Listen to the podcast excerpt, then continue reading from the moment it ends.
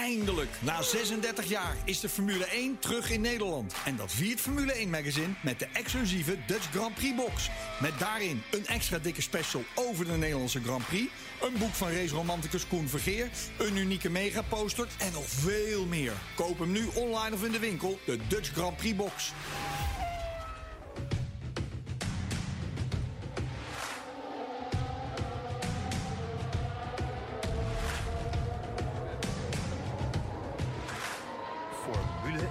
Presenteert.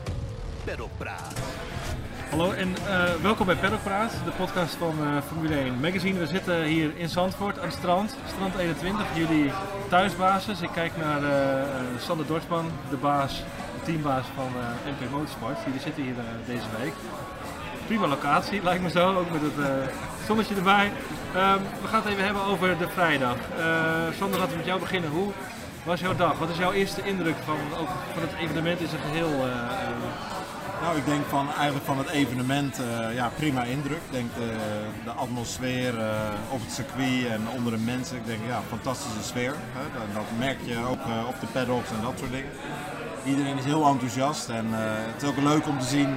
Natuurlijk heel veel van onze buitenlandse collega's, ja, omdat wij een Nederlands team zijn, worden we natuurlijk op over van alles en nog Ja. wat worden we aangesproken, aangekeken. En ja, het was ook wel leuk om dan te horen dat er ook wat enthousiasme heerst. En natuurlijk het mooie weer helpt daarbij mee. Maar eh, ja, ik moet ook zeggen, ik denk dat iedereen ook wel positief verrast is door eh, hoe ze het hebben aangepakt op het circuit. En hoe goed alles is eh, uitgewerkt en uitgevoerd. En ja, compliment eigenlijk. Ja.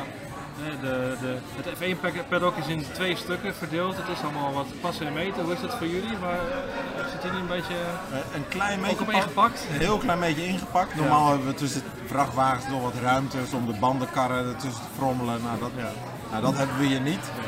Maar ik moet zeggen, eh, ook het Park van Mee hebben, we bij ons in de tent. Ja, dat, normaal hebben we er ook een aparte ruimte voor. Maar ja, weet je, het is eh, op een gegeven moment in Baku of Monaco, of, dan zijn we ook wel wat gewend. Dus het is, eh, ja, het is niet altijd, eh, ja, de ruimte is niet altijd voorhanden. En dan, maar goed. We In, Monaco staan jullie in de, in de parkeergarage. eh, Klopt, dan staan we min 2 in een donkere, Ja. dat noemen ze de Alcatraz daar. Want dan, heb je nooit, dan zie je gewoon een week lang geen zon binnen. Dus, Nee. dus ja, dus het kan altijd slechter. En ik denk dat ze het heel goed hebben opgelost. Creatief met de ruimte zijn omgegaan wat ze hadden. En ja, prima. En eh, je hoort natuurlijk de coureurs eh, in de Formule 1 nu eh, over het circuit zelf. Super enthousiast over het algemeen. Jouw coureurs hebben denk ik al vaker gereden. Klopt, op de, op ja. de nieuwe versie ook. Ja, vorig jaar in de Formule Renault Eurocup hebben we Oh ja. hier al een wedstrijd gehad. En eigenlijk eh, alle drie onze coureurs hebben toen eh, hier ook geraced. Dus eh, die kenden de baan. Ja, Ja. ja. En wat, is hun indruk eh, daarvan? Eh, Ja, ze vinden het een fantastisch circuit. Dus eh, uitdagend, snel, fysiek. ja. Ik denk dat dat, het is wel grappig. Iedereen heeft eigenlijk over de banking en over eh, hoe, hoe mooi dat is. Maar eh, eigenlijk als je met de coureurs spreekt, voornamelijk die ook een raceafstand gedaan hebben. Die hebben ook wel, ja, het is ook best een fysiek circuit. Oké, Ja. misschien in Formule 1 heb je natuurlijk eh power steering. Dat hebben wij niet. Maar de- ja, dat hoor je gewoon met dat het gewoon echt een fysiek circuit is. Wat, en wat is voor jou coureurs het zwaarste aspect? Is dat eh, de opeenvolging van bochten bijvoorbeeld? Hoor je bij de, Ja, ik de- denk, je hebt hier de natuurlijk echt, het is een circuit met een, eh, ja, met een, met een flink, ja, echt een flow erin. Hè? Het is Ja. niet echt, eh, sommige circuits, dat je echt, heb je echt een, eh laat maar zeggen, een stop-start moment erin zitten. Moet ik ook heel eerlijk zeggen, vaak zo'n stop-start moment, dat is ook juist een goed inhaalmoment. En dat is natuurlijk hier, als je juist heel erg die flow behoudt, daardoor kan je natuurlijk ook iets moeilijker inhalen vaak. Ehm, maar juist door die, doordat die flow erin zit, ja, dan, dat is een, een challenge. Eh, en voornamelijk in een kwalificatieronde. Bijvoorbeeld een ultieme kwalificatierond. Ja, dat is natuurlijk super gaaf op een circuit als dit. En, en vorig jaar in, eh, wat zei je, in maart hebben jullie hier gereden? In, eh, Hoe was in- het toen qua inhalen? moeilijk. Moeilijk. Maar goed, dan moet ik heel eerlijk zeggen, dat was met de Formule Renault. En ik denk een aandachtspunt in die klasse is sowieso het inhalen. Oké. Eh, dus ik, ik, ik, ik denk niet dat je dat helemaal kan, kan bijten aan het circuit. Ik, laat ik het zo zeggen, ik heb ook Formule 4 races hier gezien waar je wel goed kan inhalen. Zelfs in bijvoorbeeld bocht 4. hè. Dat is gewoon met die banking dat, dat je verschillende lijnen kan Bocht, pakken. bocht 4 is voor jou Huguenots. Want Ja, Eh, heel veel mensen in de Formule 1 noemen het vandaag heet het eh, bocht 3, hè? maar eigenlijk is het eh, ja inderdaad de noemen vierde. Ja. Ja, ja, ja. whatever. Maar Ja. laat maar zo zeggen, de banking na het rechte stuk. Ik denk, eh, ik denk dat je, ja, de, bijvoorbeeld in de Formule 4, oké, dat zijn iets kleinere auto's dan een Formule 3 of een Formule 1 auto, iets smaller natuurlijk, maar eh, ja, daar, daar kan je wel creatief mee omgaan en nog wat doen. Ja. Heb jij eh, gehoord vandaag wie er het eh, commentaar deed op het circuit, wie de speaker was? Nou, dat heb ik niet gehoord, totdat die persoon eh, de commentaarpositie opendeed en heel hard mijn naam riep. toen, toen zag ik wel zijn gezicht en wist ik dat hij daar zat. Wist Ja. ik nog steeds niet dat hij het commentaar deed, totdat ik hem net eh, buiten het circuitpoort tegenkwam. Oké, En alles toen wist ik wie, eh, wie het commentaar deed. Ja, klopt. Dani ja. heeft even een, sessie bij hem in het hokje gezeten. Oké, ja. Hoe was Ja. dat?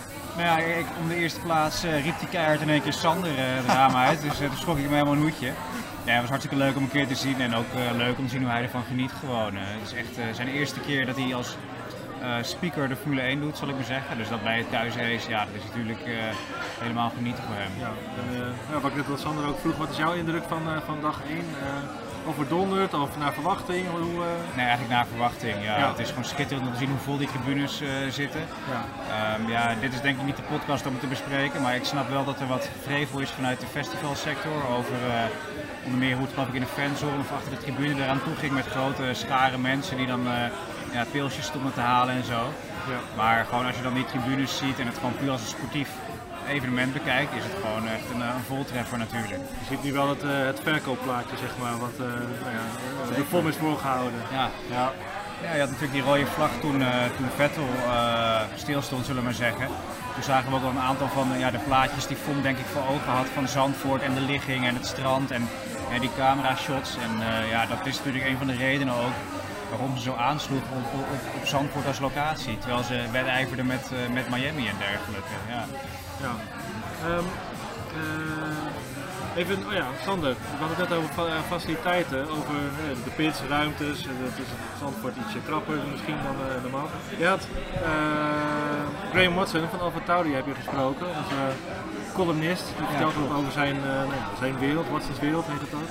Ja. Wat Ja, hij, is, te vertellen? hij is de teammanager daar en hij vertelde eigenlijk iets wat, wat Sander ons net ook voor, voor de opname vertelde. Namelijk dat de pits toch wel heel, heel smal is wat betreft de werkruimte eh, ja, voor de teams in de box. Of in, hoe zeg je dat? Voor de, voor de garage eigenlijk, waar dus de, de ja. pitstops worden gedaan.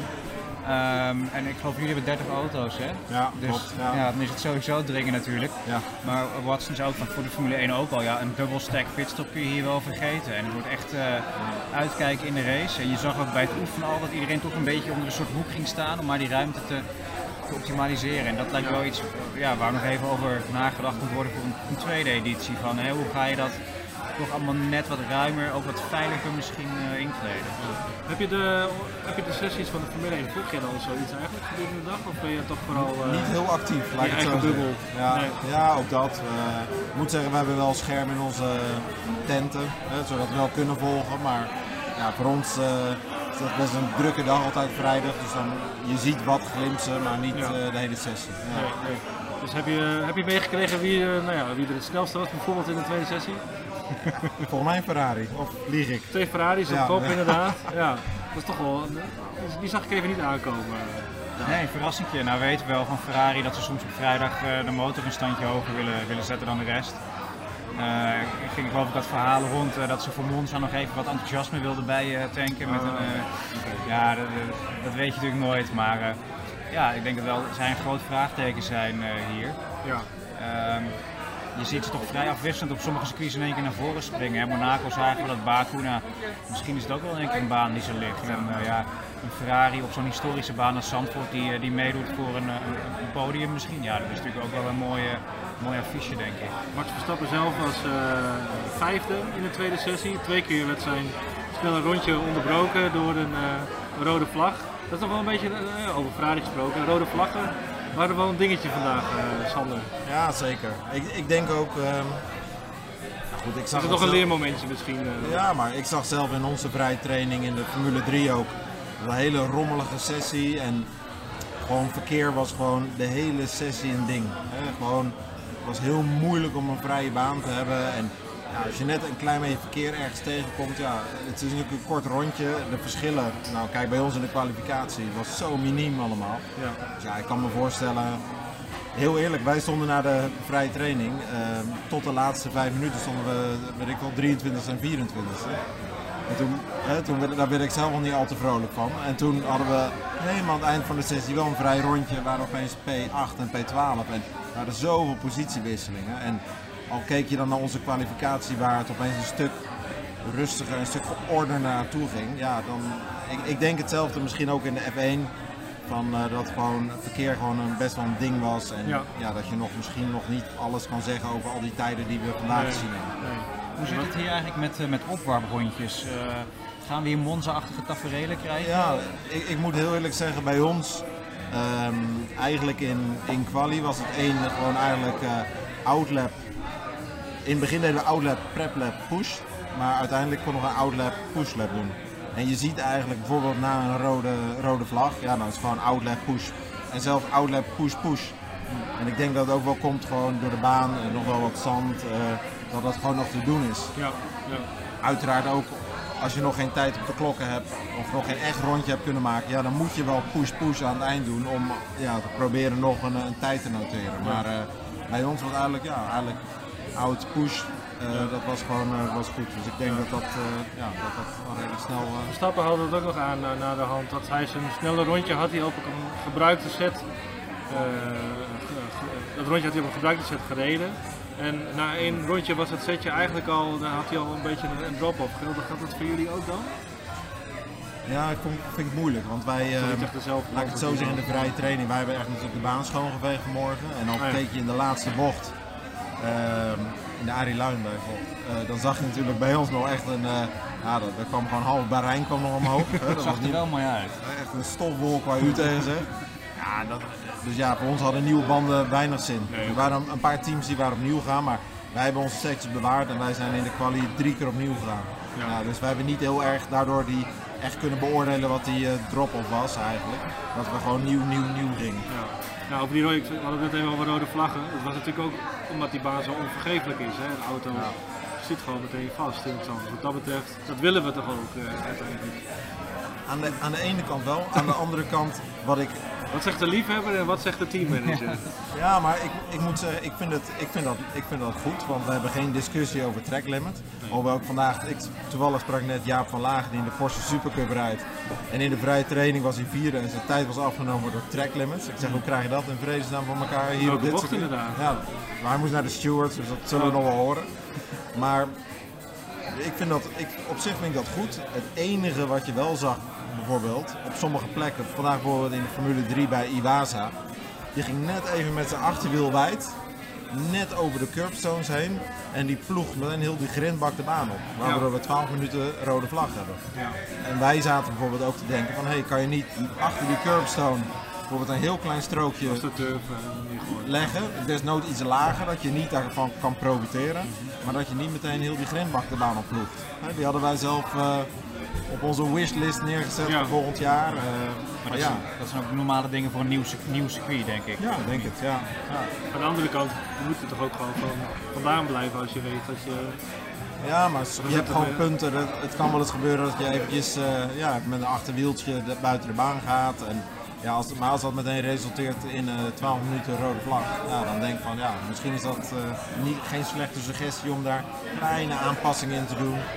Maar los daarvan is natuurlijk, eh, ja, de rijders vinden het eh, een fantastische baan. Ja. ja.